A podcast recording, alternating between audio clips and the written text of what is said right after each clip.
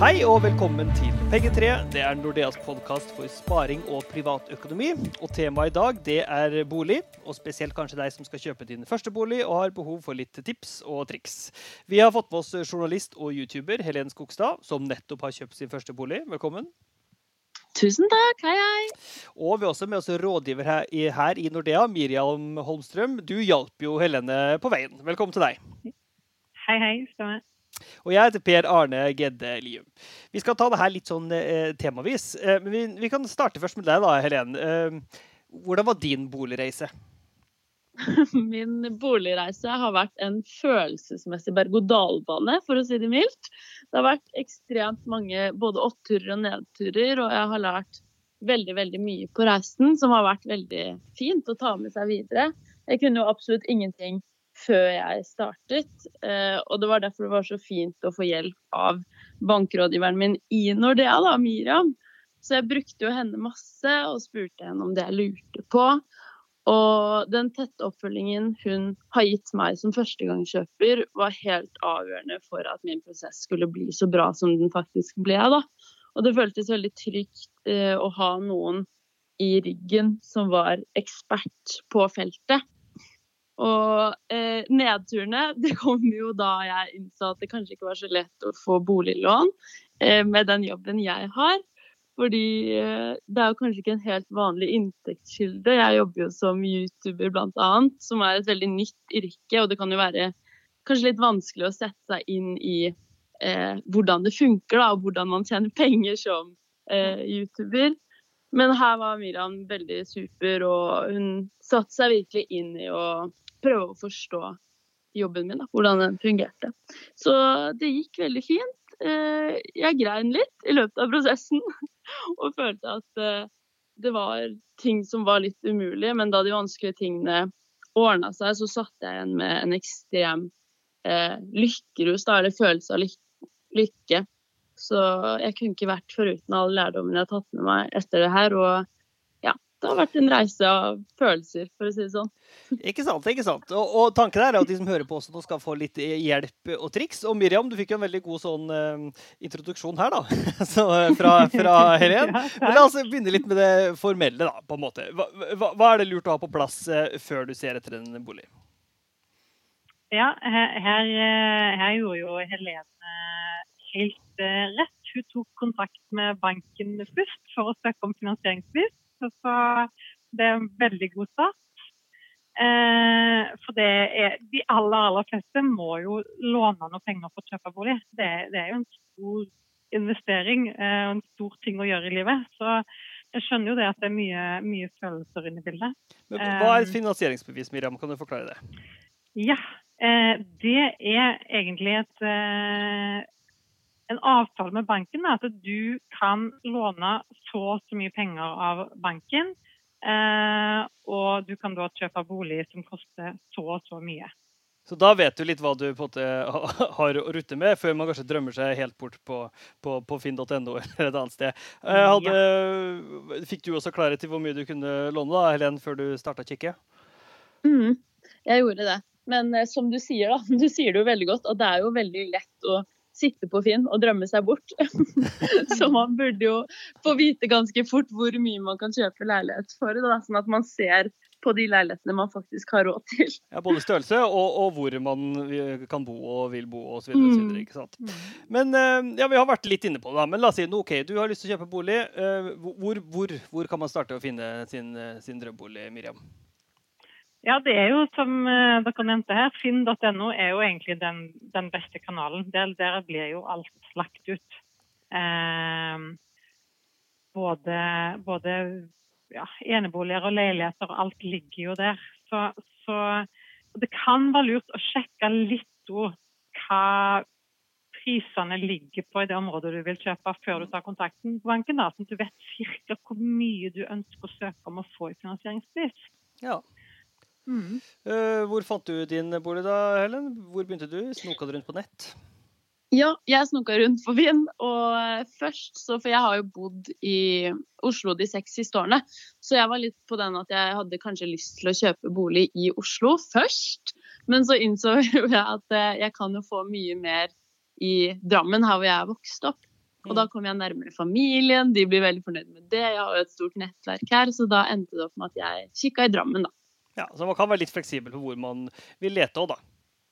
Ja, det syns jeg. Det er jo Mm. ikke så langt unna Oslo ellers òg. Ikke sant. Uh, Så kan jeg komme med ja, innspill? selvfølgelig. Selvfølgelig. Ja, eh, for det, det er jo sånn at en, en har kanskje veldig mange ting som en ønsker på en måte i drømmeboligen. Eh, men så er det jo ikke alltid at en kan få alle de tingene.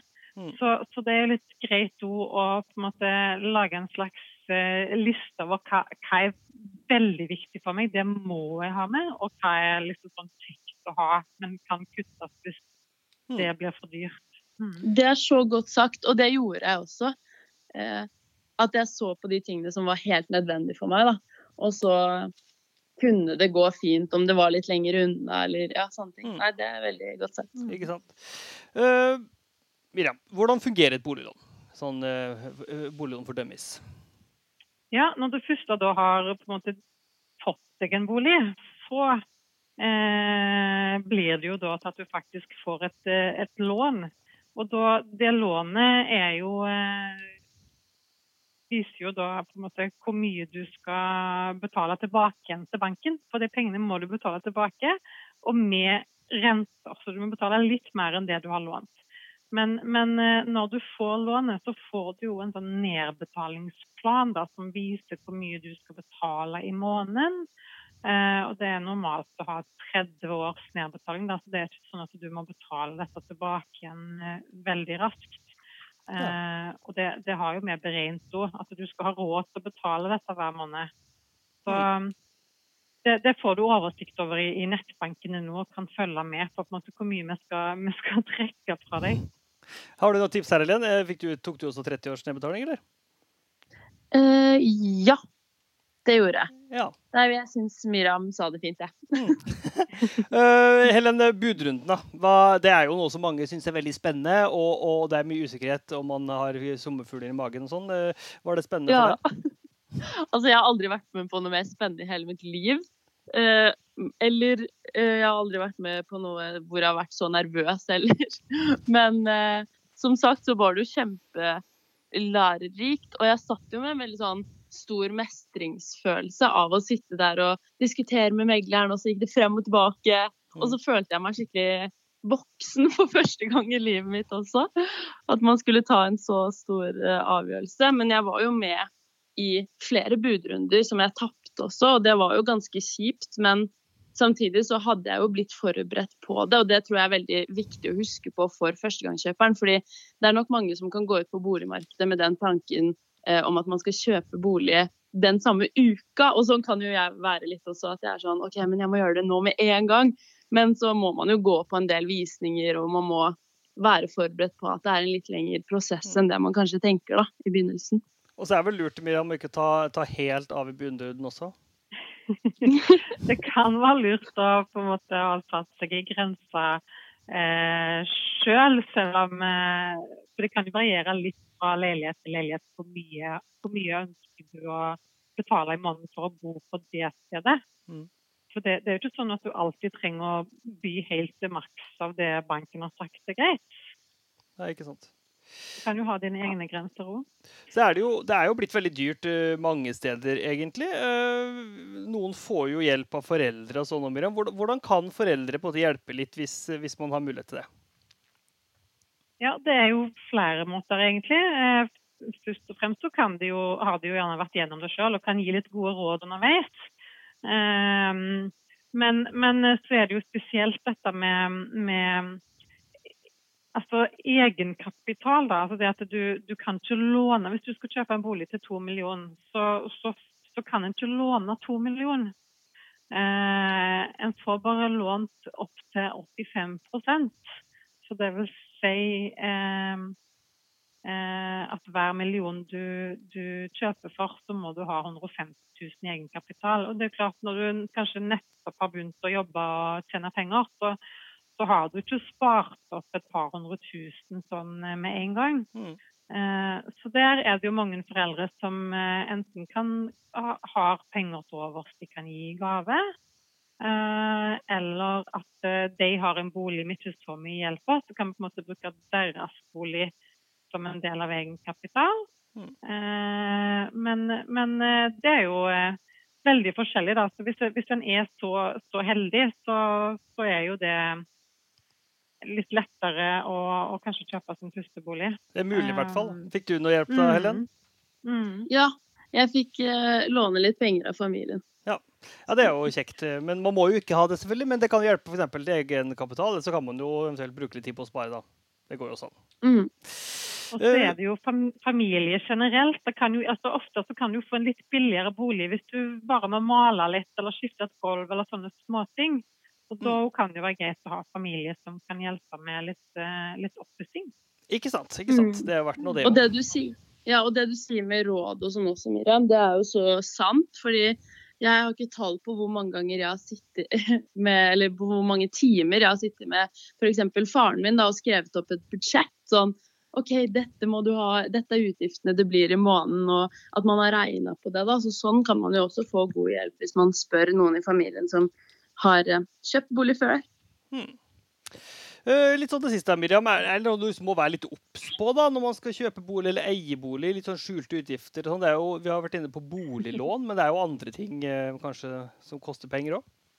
Ja, så det, det, har sikkert Helene erfart nå med disse budsjettimene. Eh, for det er jo eh, spesielt på, på leiligheter, da, så er det jo ofte noe som heter fellesutgifter. Eh, som er utgifter som hele bygget eh, eller blokka må dele på. og Det er jo bl.a. forsikring for hele bygget. Kanskje er det tatt opp noe lån eh, i forbindelse med noe oppussing på bygget. Så Eh, det kan jo variere veldig, og det kan jo være flere tusen i måneden. Så det er veldig viktig å ta det med i, mm. i regnestykket. Eh, og så må en jo selvfølgelig ha noen forsikringer sjøl òg på, på, sine eiendeler, og gjerne òg på inntekta si. For det er jo klart, når du har lån, så er du mye mer avhengig av å ha fast inntekt. Så, så hvis den forsvinner, så kan det være greit å ha noe forsikring der. Hvis du må flytte hjem igjen til mamma og pappa. Eh, og så er det jo vedlikehold, da. Det er jo sånn som en slipper under en leie. Da er det jo en fast sum hver måned. Mens når du eier sjøl, så er det jo sjøl som må ta eh, ting som dukker opp underveis. Hvis det plutselig må komme lekkasje, eller taket må byttes, eller ja, alt sånt. Vaskemaskinen klikker, eller Det er alltid noe rart som kan skje. Det er det. Så de fleste har ikke så veldig lyst til å gå i månedsvis uten vaskemaskin. Så, så må en, må en ha litt, eh, litt, buffer i bakhånd, litt sparepenger. Ikke sant. Um, så et lite tips der er jo gjerne å lese nøye salgsoppgaven, og, og der er det ofte en sånn takstrapport. Sånn at du vet om det kom Eh, at det er sannsynlig at det kommer noen store utgifter i nærmeste framtid. Hvis du mm. da vet at du ikke har råd til det, så er kanskje ikke det boligen for deg. Ikke sant? Og hvis badet er fra 1992, så er det ikke sikkert det holder evig, f.eks. Nei. Helen, hva slags tips har du da til de som er ute etter sin bolig slash drømmebolig? Eh, jo, vi har jo vært litt eh, inne på det med det å få hjelp, bl.a. fra eh, eksperter som Miriam, bankrådgivere, eh, og noen i familien din som har vært gjennom det før. Og sette opp et budsjett. Hva har man råd til? Det her har jo egentlig Miriam sagt veldig fint, da. Men jeg tar de rådene jeg har. Ikke sant? Eh, og så at man begynner å se på steder der man vil bo, men der man har råd til å bo. Eh, og så et tips som jeg eh, ikke brukte, men som jeg vil gi til andre, er å ikke gå på visninger og forelske deg i leiligheten. Ikke begynn å flytte inn i hodet ditt, for da blir du veldig skuffa hvis du ikke vinner den budrunden. Og det bomma jeg litt på de første gangene. Um, og så bare dra masse på visninger og se hvordan uh, markedet er, og se hvordan de forskjellige leilighetene ser ut, og eh, ja. Litt til de som kan noe og vet hva de snakker om, og ta imot de rådene og tipsene også. Ja, det var gode eh, råd, Helen. Ja, og så er det jo veldig smart, sånn som Miriam sier, med å ha en ekstra bufferkonto, en ekstra sparekonto som du setter inn litt penger i måneden i tilfelle et eh, rør sprekker, da. Hmm. Takk skal du ha, Helen, og takk skal du ha, Miriam. Og, og, tusen takk til deg som hørte på. Håper at du ble litt klokere og kanskje litt tryggere i din uh, boligjakt. Og ta gjerne kontakt med Nordea om det er noe du lurer på. Så du er hjertelig velkommen tilbake til Pengetreet ved en senere.